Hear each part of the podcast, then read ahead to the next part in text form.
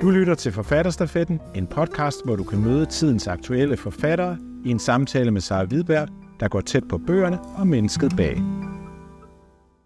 Velkommen til Forfatterstafetten, Lone Hørslev, og tillykke med din helt nye roman, Svømmende, Rygende, Grædende, som vi skal tale om i dag, som jo både er en, en bog om et meget alvorligt emne, men også en, en meget underholdende bog. Og det glæder jeg mig meget til at snakke om. Men først så kunne jeg godt tænke mig at høre dig. Hvad er vores hovedperson Anna for en, og hvorfor er hun interessant at beskæftige sig med? Jamen, Anna, hun er jo forfatter. Hun er 47 år, og hun øh, er øh, en form for livskrise. Og det er hun øh, primært, fordi at øh, hendes eneste søn, Theo, han er flyttet. Han er rejst til New Zealand, og øh, hun øh, øh, oplever den her tomhed, der opstår, når børnene flytter hjemmefra. Hun ikke øh, føler, hun længere skal være noget for nogen. Og så øh, har hun øh, en helt banal skrivekrise. Ja. Så hun ved simpelthen ikke, hvad hun skal skrive. Der, hun har idéer, men der kommer ikke rigtig noget ned på papiret eller på skærmen. Det bliver hele tiden sådan lidt... Øh, det forsvinder lidt ud af det blå. Øh, og så, så det er egentlig de sådan to store ting til sammen gør, at hun egentlig bare begynder at drikke mere og mere. Så det, der sker, det er, at hun i stedet for at foretage sig noget mere fornuftigt, så åbner hun hver dag for hvidvinsdunken eller flasken og drikker i stedet for. Ja. Så det er det, vi følger. Altså, vi følger egentlig, hvordan, øh, hvordan hun lever, og, hvordan, hvad, og hvad hun tænker. Vi er meget inde i hovedet på Anna i bogen. Det må man sige, vi er, og, og vi får øh, også mange hvidvinsglas ned. Hun starter tidligt på dagen, og det, det løber ned i Anna. Øhm, hvad sætter der sådan i gang med lige præcis sådan en roman? Øhm, jamen, øh, der var egentlig mange ting. Altså, jeg, øh, jeg havde lyst til at skrive om kvinder, der drikker. Øh, fordi jeg egentlig synes, det er noget, der mangler. Altså, jeg synes ikke, det er noget, vi har set særlig meget i, i litteraturen. Øh, I hvert fald ikke i Danmark. Øh, vi har mange beskrivelser af mandlige alkoholiker, mænd, der drikker, øh, og, og altså skrevet af, af mandlige forfattere. Ikke? Øh, så jeg, jeg synes egentlig, at hun lidt manglede i vores, øh, i vores litteratur, i vores kultur, at få, få hende beskrevet. Øh, jeg har øh, i flere år arbejdet med at sidde og skrive på en tv-serie, og i forbindelse med det arbejde, det er nemlig en øh, tv-serie, en dramaserie, der handler om misbrug som handler om, det er så ikke alkohol, men øh, kokainmisbrug. Og i den forbindelse snakkede jeg med mange, øh, altså, der enten selv havde et misbrug, pårørende, øh, behandlere og så videre, så videre. Og, og gennem det arbejde, så kom jeg ligesom ind under huden på den problematik, og havde lyst til at, at beskæftige mig mere med det. Ja. Ja.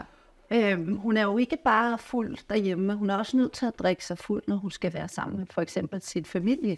Ja. Det synes jeg jo var øh, var hæftigt et eller andet sted, at, at hvad er det, der gør, at hun ikke engang kan gå hen til et, et bryllup i sin egen familie og bare være? ja, jamen det er jo et godt spørgsmål. Altså hun lider jo af det, vi kalder alkoholafhængighed eller alkoholisme. Øh, og, og det, der kendetegner den lidelse eller den sygdom, er jo, at man kan ikke lade være med at drikke. Og, og hun har så ovenikøbet, det er måske en form for social angst. Så det der med at få bare forestilling om at skulle være sammen med andre mennesker, stå og smalltalke, og, og det ubehagelige ved, ved bare overhovedet tanken om at skulle stille op til det her øh, hyggecirkus her, ikke? Altså det, øh, der er det naturligt for hende lige at få ro på naverne med et enkelt glas, eller 3, 4, 5 stykker måske, ikke? Ja. Ja. Jo, det, det kan vi ikke afsløre for meget, men øh, hun tager i hvert fald fra også til det bryllup. Øh, ja.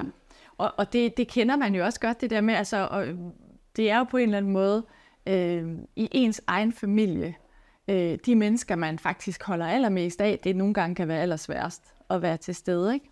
Jo, og sjovt nok er det også der, hvor hun, hun føler sig også, øh, hun har en dialog med, jeg tror det er en onkel eller en til brylluppet, der spørger, hvordan går det så med salget af dine din bøger, hvor hun så løber stort, ikke? Jo, jo, jo, men det kender jeg jo også selv som forfatter, ikke? Det der med, øh, øh, kan man så leve af det? Det er jo sådan et spørgsmål, vi altid som forfattere får, ikke? Kan man leve af det? Ja, det er sådan nogenlunde i hvert fald, ikke? Ja. Jeg står her nu. Ja, ja. Øh, Anna, hun er jo ikke dig, men, mm. men er der noget låne i Anna?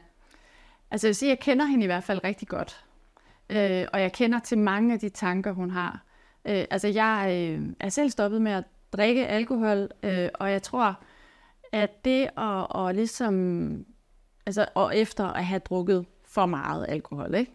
Øhm, og måske det her med at stoppe med det, altså stoppe med at drikke, har givet mig ligesom en afstand til det, som har, har fået mig, øhm, øh, altså gjort mig i stand til at se nogle ting, nogle mekanismer, som, øh, som jeg havde lyst til at beskrive og, og lyst til at gå ind i.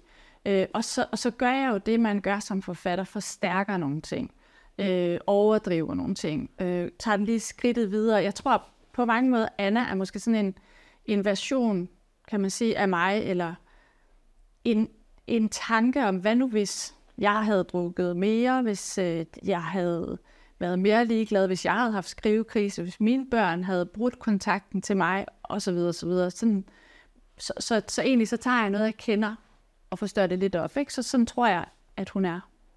Ja. Øhm, er, er kvindelige alkoholikere mere skjulte i samfundet, synes det?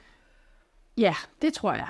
Det tror jeg faktisk, de er. Altså jeg tror egentlig, altså nu har jeg, jeg har jo talt med mange alkoholikere som researchers til bogen, øh, og jeg har talt med alkohol og samfund og andre sådan, øh, eksperter, og det er helt klart den, altså det er helt klart øh, øh, en, en forestilling eller en teori i hvert fald. Vi ved, vi ved jo ikke, hvordan det egentlig er, fordi det er netop det her med, altså at, at kvinder nok er mere alene derhjemme, når de drikker. Sidder derhjemme alene, øh, øh, gemmer sig, skammer sig øh, i ensomhed, i stedet for at, øh, ja, at drikke mere åbent og være sådan lidt mere udadvendt omkring det. Så, så mange kvinder gemmer sig i deres øh, i alkoholmisbrug. Jeg tror, de, øh, de skammer sig på en anden måde end mænd, tror jeg. Ja, og hvad, hvad tror du, det bunder i? At, at det, hvorfor er det så meget mere skamfuldt for en kvinde at, at vedkende sig det? Øh, jamen, det tror jeg er meget kulturelt. Altså, vi har en anden øh, accept, øh, forståelse for mænd, der drikker. Det har mænd ligesom altid gjort. Det er noget, der altid er sket i mandefællesskaber. Vi forstår godt det her med, at det, det er ligesom en ventil, som, som der har været hvad hedder det, ja, det, det har ligesom bare altid været på den måde. Ikke? Mænd drikker, og kvinder tager sig selvfølgelig hjem og børn, og er de ansvarlige. Sådan, og, øhm, ja, så, så det tror jeg ligger i vores kultur, at det er, øh, det er kvindens øh, opgave at være, øh, altså stå for, for hus og, og hjem og børn og sådan noget, og derfor kan hun selvfølgelig ikke ligge og, og ralle rundt i en eller anden hvidvindsbrændert. Det er, det er jo dybt uansvarligt. Det tror jeg, vi tænker. Ja, det tror jeg, du har ret i. Øh, Anna, hun er jo dig, øh, digter, men har, har jo øvrigt lovet sit forlag, at nu skal der komme noget, der, der sælger lidt bedre. Men hun skriver nogle abedigte, Ja, ja. som også optræder øh, rundt omkring i bogen. Ja. Og i et af dem, der står, øh, fandt jeg over det her ord, tilladende tanker. ja. Hvad, hvad er det for noget? Hvad går det ud? Øh, jamen det tror jeg, at det her med, øh, altså for en, der godt kan lide at drikke, kan man altid finde en anledning. Eller tilladende tanker. Det her med, øh, ej, det har været sådan en dejlig dag i dag, det, eller solen skinner, eller det regner. Øh, det er godt nok en træsdag i dag. Jeg øh, har haft det forfærdeligt. Nu har jeg også øh, øh, hvad hedder det, lov til at lige til. Og, altså det her med, øh, for den, der gerne vil have øh, en tilladelse, er der altid tilladende tanker. Det synes jeg er sådan meget sjovt. At, Øh, ja, det, det, det kører jo bare rundt i hovedet på hende, kan man sige, ikke? hele tiden med de her tilladende tanker. Det er, det er der meget beskrivelse af. Ja. ja, det er der.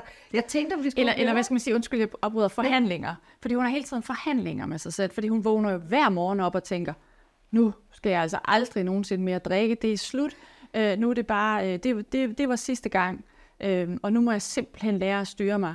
Og det er jo kun indtil hun begynder at få det lidt bedre, og blive lidt friskere, og komme sådan lidt mere ovenpå, og sådan, jamen, hvorfor egentlig ikke? Ikke? Hvorfor egentlig ikke? Den er jo åben. Ja, og flasken er åben, og ellers så er der i hvert fald nogle flere nede i netto, ikke? Jo, så kan man altid ændre Ja. det. ja. Jeg tænkte, at vi skulle prøve at høre et lille stykke fra romanen, hvor hun Selvfølgelig. er taget til Luciana med sin helt nye ven, og står foran øh, det billede, som faktisk øh, har navngivet bogen, øh, Svømmende rygende grædende. Ja. Og øh, hun er altså taget på Louisiana sammen med sin ven Gorm, og de snakker lidt om det her billede. Maleriet er på sin egen måde meget genkendeligt og smukt. Kvinden kæmper mod bølgerne med store og stigende øjne. Smøgen og øjnene og et hav fyldt med grumset vand og tårer. Det er mig, ved du godt det? siger hun, da han ikke svarer. Han ser et øjeblik på hende. Mig, der kæmper imod min egen urimelige skæbne. Hun griner igen, men grinet kommer ud mere som en slags kvik, end som et egentligt grin. Gorm træder først et langt skridt tilbage, og så et lille skridt frem, men så samtidig passer på med ikke at støde ind i nogen. Hvad synes du? Han klemmer øjnene sammen. Jeg tror måske, det er lidt for ironisk for mig. Du mener sjovt? Ja, måske. Så kunst kan altså ikke være godt og samtidig sjovt. Han ser på hende. Jo, jo. Men du kan jo spørge dig selv om, hvor tit en komedie har vundet en Oscar. Hun ryster på hovedet. Ej, hvor er du provokerende. Eller om en sjov bog nogensinde har modtaget Nobelprisen. Der var ligesom et element her af, at hun faktisk føler noget ægte, og, og føler sig genkendt i det her billede. Ja. Og, og Ja. hvad gør han, han, han tager ikke imod det, vel? Jamen altså, det øh, kræver måske også øh, lidt mere lige at fatte det. Altså, hun, hun, hun har ligesom en, en forventning om, at han bare forstår fuldstændig, hvordan hun har det, og det gør han så ikke. Det er jo ikke hans skyld, kan man sige, vel? Altså, men det er jo dejligt, hun føler, at hun, øh, hun ser noget af det her maleri, som hun genkender. Jeg elsker når, når de her oplevelser med kunst sker, at vi føler os øh, set og berørt og, og, og genkender et eller andet. Ikke? Fordi det, det mener jeg egentlig er det kunst, er, altså måske kunstens primære opgave. Øh, fordi jeg, jeg, jeg, jeg elsker forestillingen om, at kunst er oplevelser. Altså det er at, at, at sanse og tage ting ind med hele sin krop og sjæl, og, og måske føle sig genkendt. Og det gør hun jo. Det gør hun jo så, ja. Og det, øh, det er okay, at han ikke forstår det. Det synes hun bare ikke er okay. Nej, Nej, og det bliver også lidt tilladende. Øh, det tak. bliver så også en tilladende tanke, ja, lige præcis. Ja. Lige efter, så kommer der en, noget igen, ikke? Jo. Øhm, synes du øh, generelt, der mangler sådan humoristiske, ironiske værker, at, at det her med, at, at de står jo og diskuterer, kan, kan det være kunst, når det også er ironisk eller, eller underholdende? Synes du, der mangler lidt? Jamen det ved jeg ikke. Det har jo egentlig bare altid undret mig, det her med, at hvorfor er det ikke helt så fint, når noget er sjovt? Øhm, fordi egentlig er der jo mange komedier, der har meget dybde. Altså det er jo netop en mulighed for at berøre nogle dybe og eksistentielle problemstillinger, øh, når man også har humoren med. Altså mange øh, komedier har jo både dødsfald og begravelser og alt muligt, ikke? Øh, og så øh, så det, det der med, at vi ligesom har latteren og gråden tæt på hinanden, det, det kan jeg faktisk, jeg kan godt lide det. Og jeg elsker øh, tanken om, at man har kroppen med, når man læser, at det her med, at man kan grine, eller man kan græde, eller man kan krumtere, eller hvad man gør med sin krop, øh, samtidig med, at man bruger sit hoved, det kan jeg faktisk øh, enormt godt lide. Det er jo også svært at lave øh, god humor og, og komik, som virker, ikke? Det er jo lige så svært, som at lave en tragedie eller en tårpasser. Ja, altså jeg vil sige, jeg, jeg har ikke skrevet den her bog med vilje for at være sjov. Øh, jeg er glad, når folk siger, at den er sjov. Det, øh, det vil jeg sige, det, øh, det, det gør mig utroligt stolt og glad, hvis folk de griner af det, jeg har skrevet. Øhm, men jeg kan ikke sådan gøre, gøre det med vilje. Jeg kan ikke beslutte mig for at skrive en sjov bog. Den, den, den her, den kom sådan her ud. Og jeg tror, den er sjov, fordi der er bare noget absurd komisk over mange af de ting, som en alkoholiker foretager sig i løbet af en dag eller to. Øh, det, det, det, det tror jeg også, hun selv har et blik for. Og det er måske også noget af det sjove, at hun har, faktisk har selvironi. Ja, det ja. har hun i den grad, og vi kommer Ja. ind i hendes tanker, så vi Ja. hører den der øh, skøre dialog og monolog, hun har med sig selv, som er ja. rigtig underholdende, altså rigtig meget af vejen, ikke? Jo. Selvom det også er dybt sørgeligt et eller andet sted, at en voksen kvinde ligger og roder rundt i sit eget opkast på et, på et toiletgulv, ikke? Det er jo mm. dybt sørgeligt på et plan, og så er det også ret underholdende at høre hans indre monolog. Altså, vi får i hvert fald den her meget privilegerede indgang ind i hendes hoved, ikke? Jo. Det er jo ikke, øh, altså det er jo, vi får jo lov til at høre, hvad hun tænker. Det er jo ikke noget, hun vil sige højt, øh, nødvendigvis til nogle af de ting, hun, hun selv hun tænker. Altså, Heldigvis ikke, kan man sige. hej, heldigvis. Ja. Jeg tænker, at vi skal prøve at høre et sted, hvor det, hvor det lidt kommer frem, synes jeg, hvad, der foregår inde i, i Anna også. Ja. Øhm, hun øh, er jo forfatter, og hun øh, har udgivet de her abedigte, og abedigtene er ikke blevet så godt modtaget, som hun havde håbet, og som forlaget havde håbet. Øhm, der er faktisk ikke nogen, der rigtig synes, det er noget ved de der abedigte. Undtagen op på Louisiana, hvor hun har været øh, så heldig at blive inviteret op og læse op til Louisiana, øh, deres øh, litteraturfestival. Og, og der øh, kommer hun så op øh, nu. En pressemedarbejder havde taget imod hende ved indgangen og ført hende hele vejen gennem museet som en dronning. I caféen havde de givet hende en plads over for Søren Ulrik Thomsen, Mette Mostrup og Thomas Boberg. Og bum, var dronningen faldet ned fra sin improviserede og midlertidige trone. Hun satte sig pligtskyldigt ved bordet og anede ikke, hvad hun skulle sige. Skal du også læse op? spurgte Mette Mostrup. Ja. Spændende. Mette Mostrup så på hende, og spændende, ja, lige så spændende som en gyserfilm, hvor Glenn Close pludselig er dukket op, og man ved, at der om lidt kommer kaniner i gryden. Sådan så hun på hende. Et fremmed element i blandt os. Er hun rigtig digter? Hvad laver hun her? Anna så rundt blandt de fremmødte forfattere og skammede sig. Marianne Larsen var der også, hun sagde ingenting. Ingen sagde i det hele taget noget ved digterbordet, og stillheden var som nåle direkte ind i huden, som at sidde på boblende lava. Anna smilede. Hun smilede og smilede, og heldigvis brød Søren Ulrik Thomsen endelig isen ved at fortælle en sjov anekdote om Henrik Nordbrandt, der havde været ude at ro med sin datter. På grund af akustikken var det virkelig svært at høre ordentligt. Men da han var færdig, grinede han højt, og Anna skyndte sig også at le, selvom hun ikke helt forstod, hvad det sjove var. Hun lå og lå, mens hun tænkte som en gal over noget naturligt og samtidig klogt at byde ind med bagefter. Noget klogt eller kløgtigt. Kløgtigt.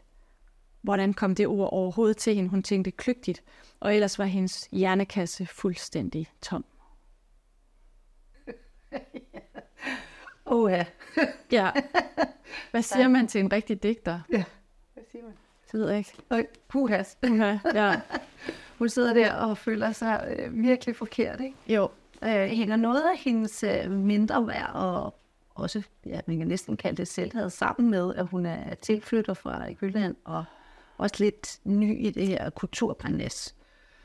Ved du hvad, jeg tror egentlig, den måde, hun føler sig på, er, er jo ikke unik. Altså, jeg tror, mange føler sig på den der måde, men vi ved det jo ikke. Jeg tror egentlig, man skal huske, at selvom folk de ser utrolig selvsikre ud, så har mange jo den her usikkerhed, hvor man egentlig føler sig forkert, eller man er ikke helt pæn nok, man er ikke helt god nok, man er ikke helt ung nok, alt muligt, man kan slå sig selv i hovedet med. Øhm, så jeg ved ikke, om hun er speciel, eller hun føler måske det, fordi hun kommer fra Jylland, eller fordi hun før har skrevet nogle andre øh, romaner, og nu skriver digte, om det nu er okay. Og der, man kan jo stille sig selv tusind spørgsmål, og give sig selv tusind grunde til, hvorfor man ikke skulle være okay. Ikke? Øhm, så ja, men hun er splittet. Altså hun, hun føler sig jo i krise. Øh, og det handler om det her med hendes søn, det handler om hendes skrivekrise, det handler også om identitet. Hvem er jeg egentlig? Når jeg ikke er nogens mor mere, jeg ikke skal stå og smøre madpakker, når jeg ikke er nogens kæreste, når jeg ikke engang er forfatter, hvem er jeg så? Hun er i, i identitetskrise simpelthen. Og der kommer alkoholen bare ind som en redningsmand. Og... Ja, det kan man sige, ikke? For lige så snart hun drikker, så slipper de der ubehagelige tanker jo. Ja. Og så kan man koncentrere sig om Facebook igen, ikke? rigtigt. Men hun finder simpelthen en undskyldning også i det her. Altså, når hun sidder der, ikke, så tænker hun, at jeg må hellere... Men det er jo også det, som alkohol gør. Altså, alkohol får os til at slappe af og, og, og blive rolig, og ting bliver sådan mere... Det bliver også nemmere at tale, og ikke bare sidde og tænke kløgtigt, kløgtigt, Hvor kom det for ord fra nu, ikke? Men, men øh, ligesom få samtalen lidt på glæde måske. Og sådan. Altså, det, det tror jeg, at de fleste kender. Hun har bare ingen stopklods.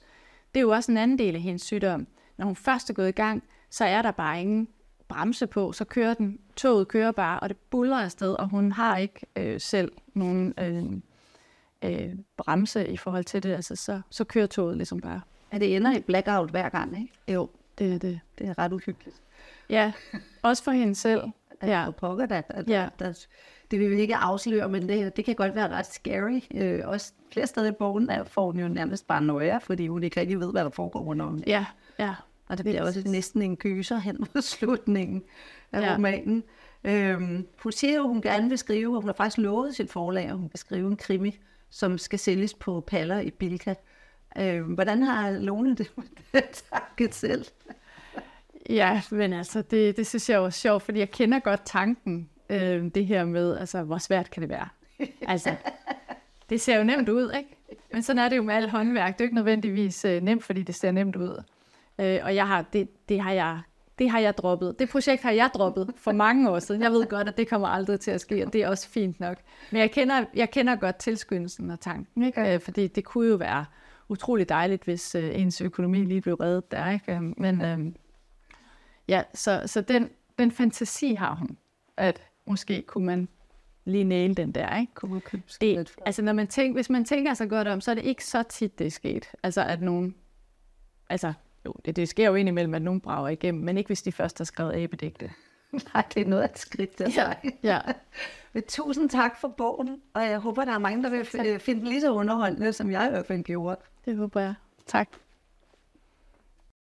Jeg vil gerne anbefale Tove Ditlevsens Skift, som er, øh, ja, det er en af mine yndlingsbøger. Jeg synes, det er en helt fantastisk bog, og øh, kun kan anbefale alle at læse. Det er jo tredje del i øh, den her trilogi, hun har lavet erindringer, øh, barndom, ungdom og så gift, som handler om hendes voksenliv og hendes, ægtes, hendes fire ægteskaber. Og øh, også går ind i det her hendes øh, afhængighed, altså hvor hun bliver afhængig af stoffer, sådan alkohol, øh, og det smertefulde øh, og, øh, og voldsomt, øh, altså den voldsomme nedtur, der ligger i det som hun beskriver, synes jeg både med meget stor varme og meget stor humor øh, i gift. Kan jeg meget anbefale. Du har lyttet til Forfatterstafetten, en podcast produceret af Forfatterweb. Find flere samtaler der, hvor du henter dine podcast.